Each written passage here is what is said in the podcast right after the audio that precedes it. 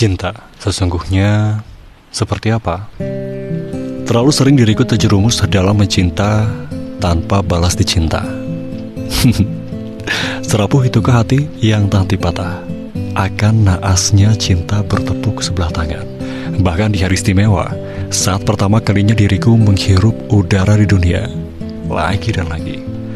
Cinta sesungguhnya belum mampu untuk ketemui. Dan semoga akan lekas tiba seorang pengisi hati yang mampu memperkokoh mutiara indah di dalam diri. Pukul 2 malam.